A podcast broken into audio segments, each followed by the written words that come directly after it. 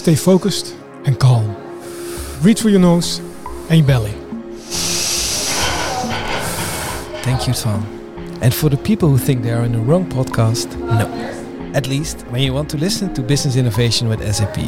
We are recording on an event, as you might hear, and Tom knows that I can carry it away a little bit by my enthusiasm. So, yeah, that's why I did a little breathing exercise. But where are we, uh, Tom? Yeah, it's good to bring your enthusiasm, Coen. It's always good. We are in Woerden at Transformation Now, an event organized by our partner NTT DATA Business Solutions and covering three key topics data driven, innovative, and sustainable. And even the location is sustainable, called CAS, which translates to greenhouse. We brought our SAP podcar again and are situated on top of the building. How about the view?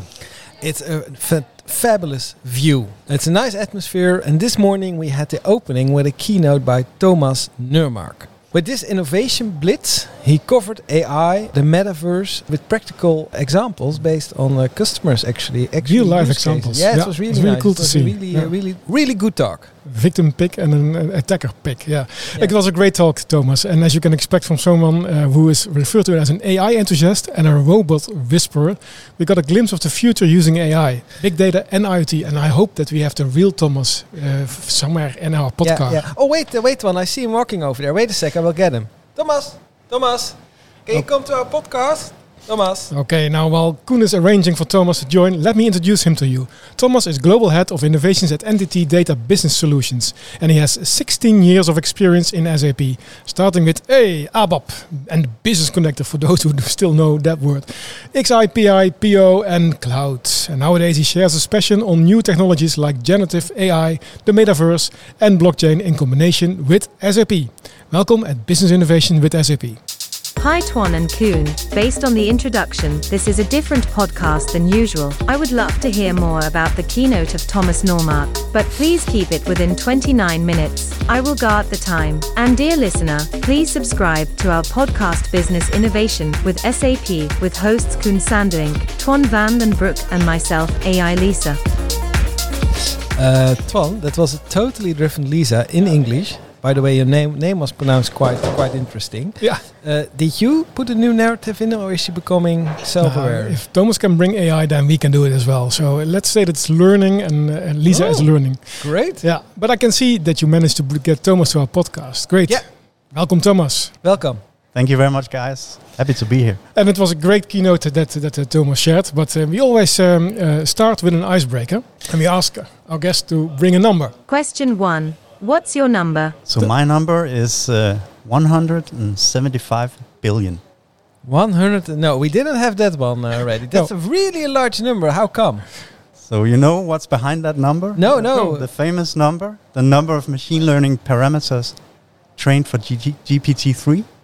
Oh, really? Yeah. So um, Oh, I did. 175 billion parameters Oeh. are trained. yes. And what what does that mean? What what what, what are the parameters? What does it say? It doesn't say anything to me. Yeah. So so this is what uh, we found out with these large language models, right? So combined with machine learning architecture called transformers, Mhm. GPT T is transformers, then the amount of the data set really mattered. So you had these large, large language models that could really perform uh, very, very accurate and well. Mm-hmm. And uh, the previous GPT-2 had t- 10 million parameters, Mhm. and the next one had 75, well, 175 billion para- parameters. So it's it's really about the neural network and the connections between the neurons and, and the neural network. So- okay. So it's, it's really, a, a, you know, it's a numbers that says how powerful the machine learning algorithm is. And how much does the human brain has in terms of connection between the neurons? I think we just need uh, two or three more revolutions, then then we are exceeding actually the human brain. No. It, Really? yeah. Actually, I find it also a little bit scary. But we'll Yeah. come back to that later. Maybe. Yeah, yeah, maybe. And, uh, and remember, in the old days, we only had 42 as the answer to anything, eh, to Yeah. everything. So that's a small number. Now we have this really huge, big number. Yeah. Thank you very much. we always bring 29, the length of our podcast, as Lisa already mentioned. Let's start into the podcast for today. Business Innovation with SAP. Question 2. What did you cover in your keynote? That was very sharp of you, uh, Twan. Uh, Lisa. So, so Thomas, what uh, what did you cover in your keynote? Can you give a glimpse about that? Yeah, um, I, s- I started uh, with some very simple cases. I call them even boring or in, invisible cases, but cases where AI and advanced technology can, can really bring a lot of value in a simple way. I would say that I, I really started uh, to set the scene by saying that we have seen all these technology revolutions over time. So, so what is, is happening right now with AI has happened with other technologies before.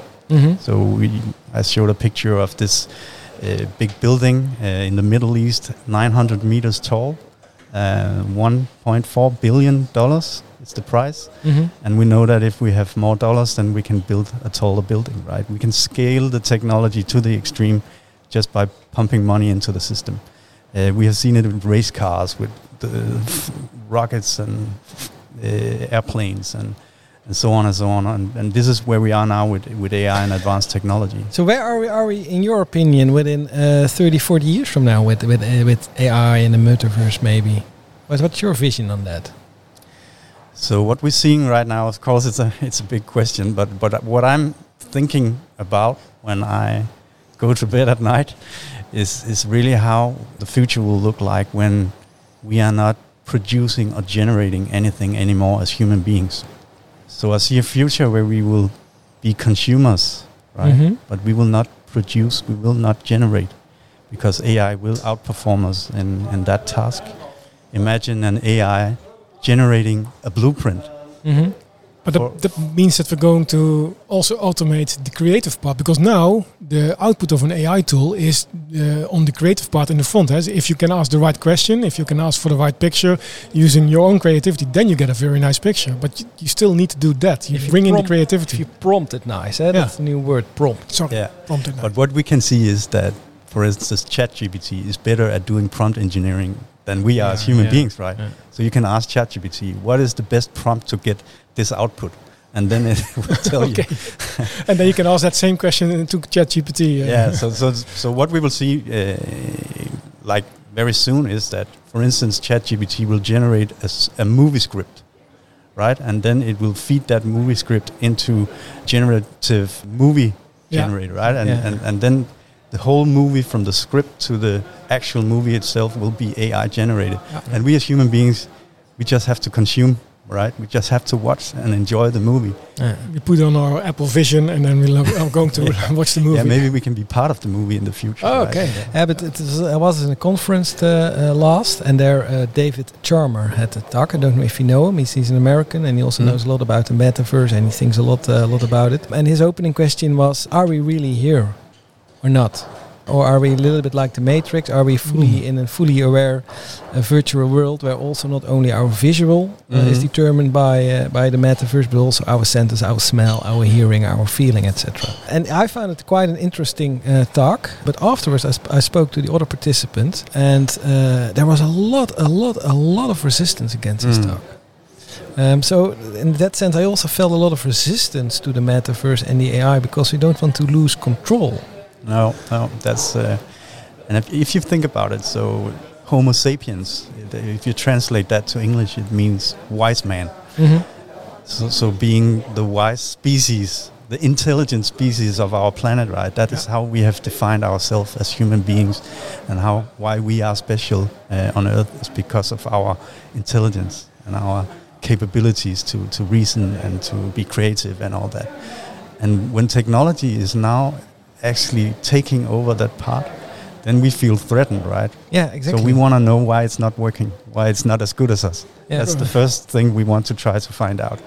But now we can really see the the results are so mind blowing, and everyone can see that when ChatGPT is generating a, a report or a, a song or whatever, then it's really, really close to being something that a human being would Yeah. have done. will it also, in your opinion, it will also take over our, our boring task and our, our working task because we we're not generating anything? Uh, you just said, but what are we doing then? Yeah, then then uh, then we are just uh, consuming, right? So we will be lying around on the beaches, kind of drinking AI-generated drinks, reading AI-generated books, watching AI-generated movies, listening to AI-generated music, and It's It's in, life the, be it's, in better? the, it's in the movie WALL-E. Yeah? So there- there's this large spaceship, and humans do not have to do anything anymore. They are just lying around the whole day, and all robots are doing everything for them. And they are really freed by entering a planet again and growing plants. So it, uh, that's that's nice. Uh, Yeah, yeah, it, it's a nice thought, but it's, on one hand, it's, it's also scaring. Eh? Because Yeah, what- how do you spend your days by doing? nothing. Yeah, Nothing. yeah, I- I- yeah, and, and that's how we're wired right now. Also with the industrialization and capitalism, right? We have to produce, we have to create value, we have to go and work every day. This is uh, part of our existence, right? But if you think about it, maybe we are not actually put into this world to produce and to spend a lot of time actually creating things. And so we have to learn how to be good consumers in the Yeah. future. We have to reprogram ourselves. Yeah, yeah, I, I, I find it fabulous interesting, eh? but but that's maybe uh, beyond this podcast how, how we will react as humans on that and, and our ethics, but also our shared values, and uh, yeah, there are, there are a lot of ethical questions. Uh, uh, And I can just just to add, so when we now, you know, we spent the the past century replacing uh, our bodies, so from neck down with technology, and now we are t- trying to replace from neck up with technology. Yeah. But maybe it's not the intelligence that is so important for human beings.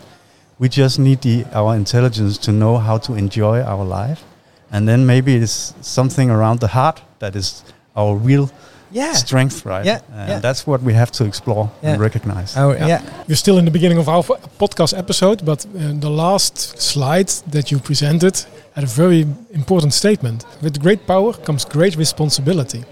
Yes, And that's the a more- Spider-Man quote. Yeah, but good movie.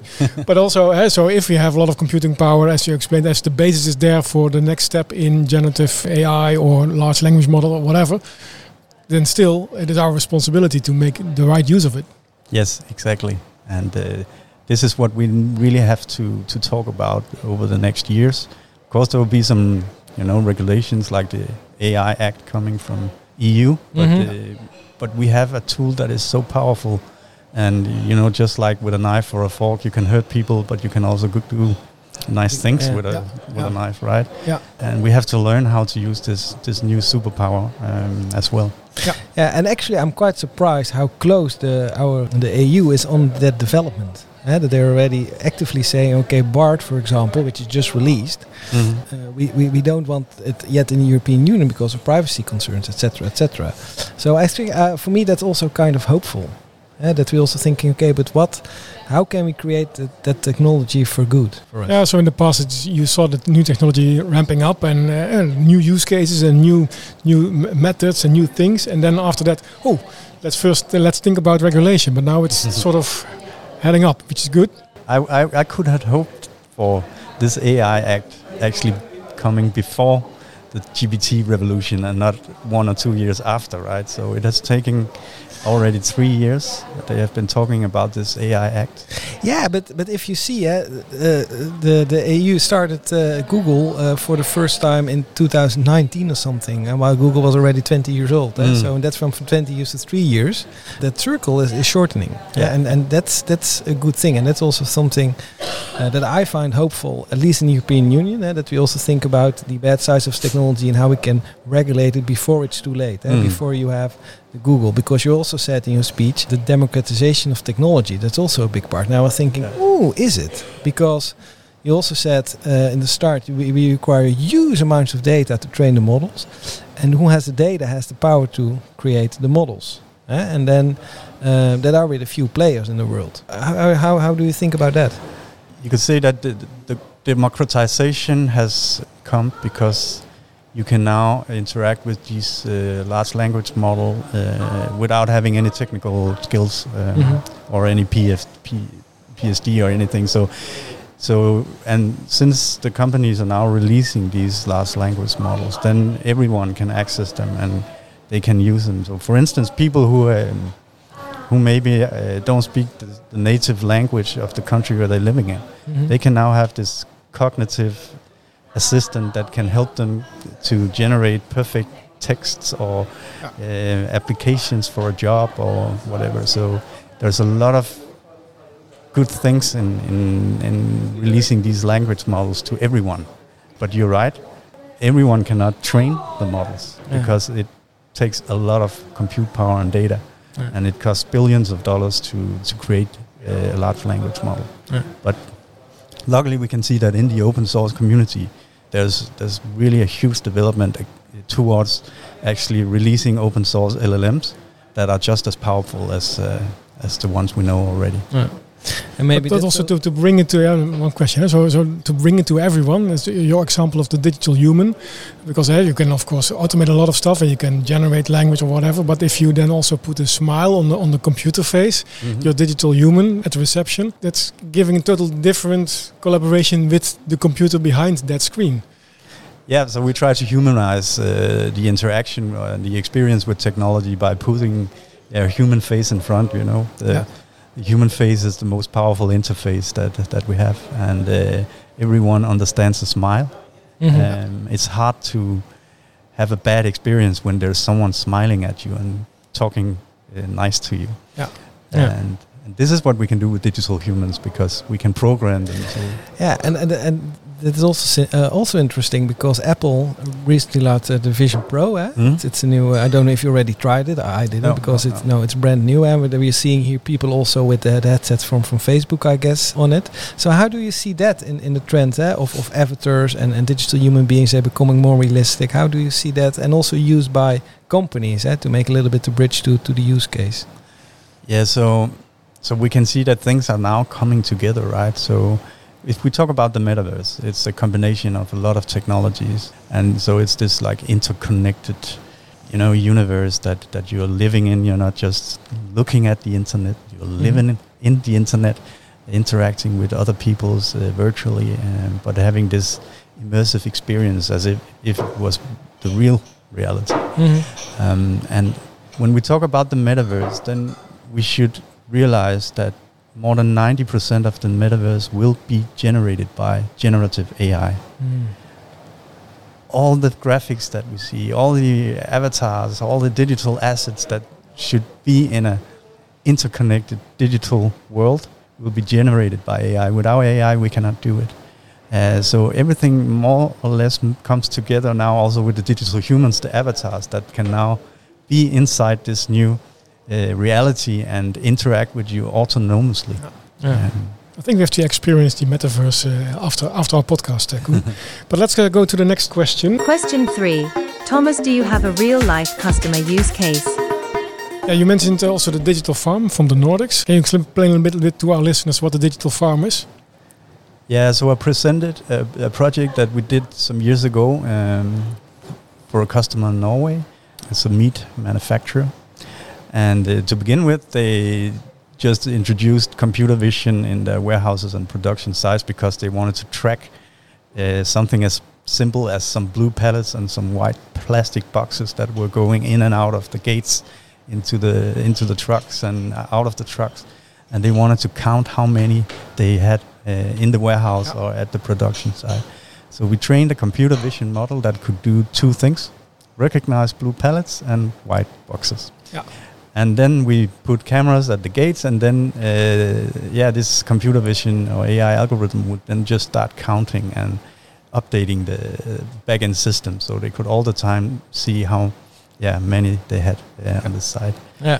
and then they got an appetite for how can so they have it like a huge SAP operational backbone. So it is one of the biggest SAP implementations in Norway ever. Oh, really? And uh, yeah, and uh, they want us now to you know, you know innovate on top of the the so-called digital core. Now they have Yeah. uh, Mhm. their data in place. They have Yeah. the processes. They have like uh, all the The fundament is there. yeah, exactly. Yeah. And uh, now they wanted to innovate on top. And uh, after the the blue pallets and the white boxes counting, they realized that okay, maybe we can also put this technology into the farms, so where the animals are living. Yeah. And what was that technology yeah, from the blue? Was that built on a business technology platform or? Yeah, so you would normally take um, a pre-trained computer vision model that has been trained already to Mhm. recognize uh, objects of the real world. Yeah. and then you will retrain this uh, neural network, as it's called. You re- you train the last layers of the Mhm. network with your own examples. So it has now been trained to recognize exactly those two objects, pallets and, and boxes. Yeah. Uh, you mentioned that you had taken 100 pictures of the blue boxes and, and of the blue pallets and the white boxes. Yeah, exactly. And then you would deploy that model.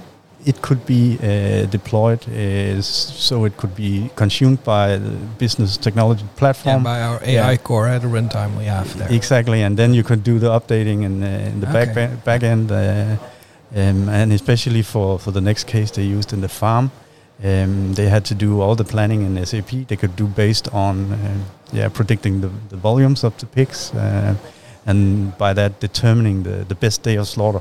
And they could do that because we had cameras and we have microphones and we had sensors in the farms in the barns to make sure that, that there was good animal welfare. Mhm. So the animals should have enough light every day. It should not be too hot or too cold. There should not be too much CO2 in the air. It should not be too noisy.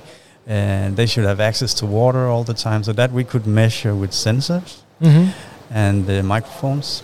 Um, and then with the cameras, we could detect tail bites. So if you had an like a a, ho- a noise that is peaking, and you can see that uh, a pig's nose is close to a pig's tail, then you know you have a tail bite, and then you can see on the video who is the bad Yeah. guy. And is, is, Who's is that guy? take Is it out. Is that detected automatically? I mean, you can detect the noise, then a ca- camera can see, okay, who is close by, and probably he is. yeah. the- So so the combination of a, a high noise or a peak yeah. in the sound level and having a pig's uh, face close to another pig's tail, that will trigger an alert.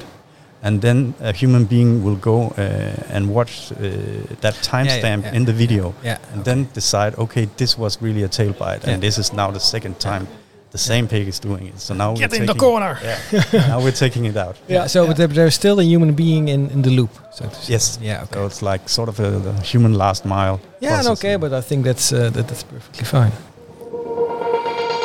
Question 4. How about generative AI and SAP? Wondering if you have any tips or future use cases using SAP as well with all those new tools. Sure. So so we have to connect these capabilities with our you know our business systems, right? Otherwise, it's only technology, Yeah. and then uh, then it only then it's only fun and something that we are we are playing around with. But when we can connect it to our business processes, where the real value will be generated, Yeah, so transform technology into business value. exactly. Yeah. And and this is yeah this is what we're doing all the time, right? Um, and we can now see with generative AI more and more cases coming in connection with SAP. So we have uh, done uh, transportation optimization uh, in SAP using generative AI. We have done uh, okay. ABAP, ABAP code generation.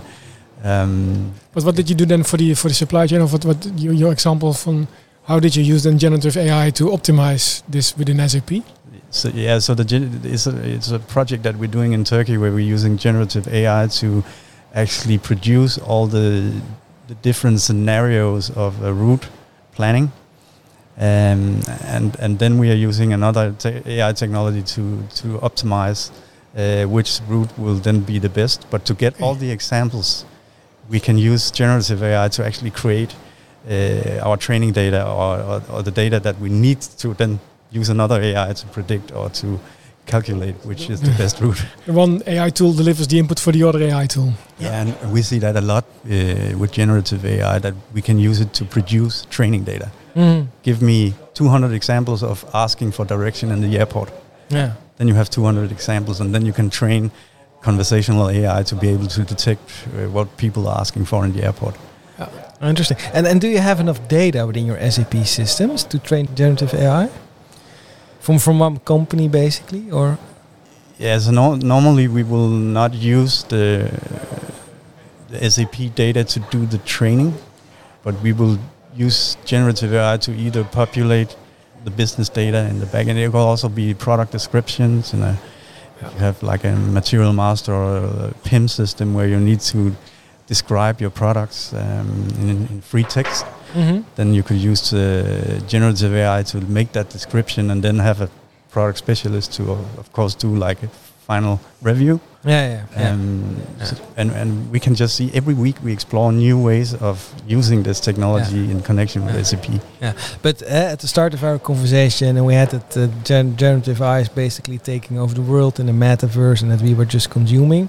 But now I hear talking that still the last mile is still the human who is doing so. At this stage, Mhm. it will help us and it will improve our lives and actually replace a little bit the boring tasks.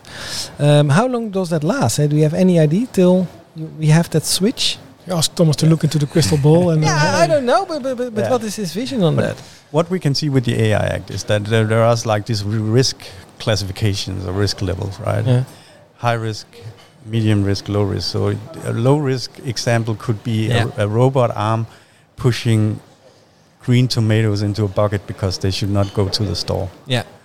And if the robot arm misses one green tomato, the world will not. What Go under, right? Yeah, exactly. So in that case, we might not need the human in the loop, the, the human last mile, the human in the middle. But for more high risk cases where it's like, okay, I cannot miss this cancer tumor, or I cannot uh, fire that person uh, uh, if uh, Mm. it's not something that that person deserves, then we still need that that human check.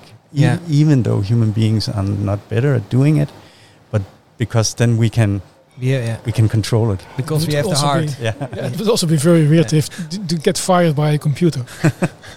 Yeah, yeah, exactly. Although the uh, the actually, No, yeah, yeah, but actually, yeah, you were saying eh, that may, maybe you have to trust more on the heart. that That's also where the Mm. where the heart maybe comes in. Eh? So in those cases, van okay, it's just quite rational.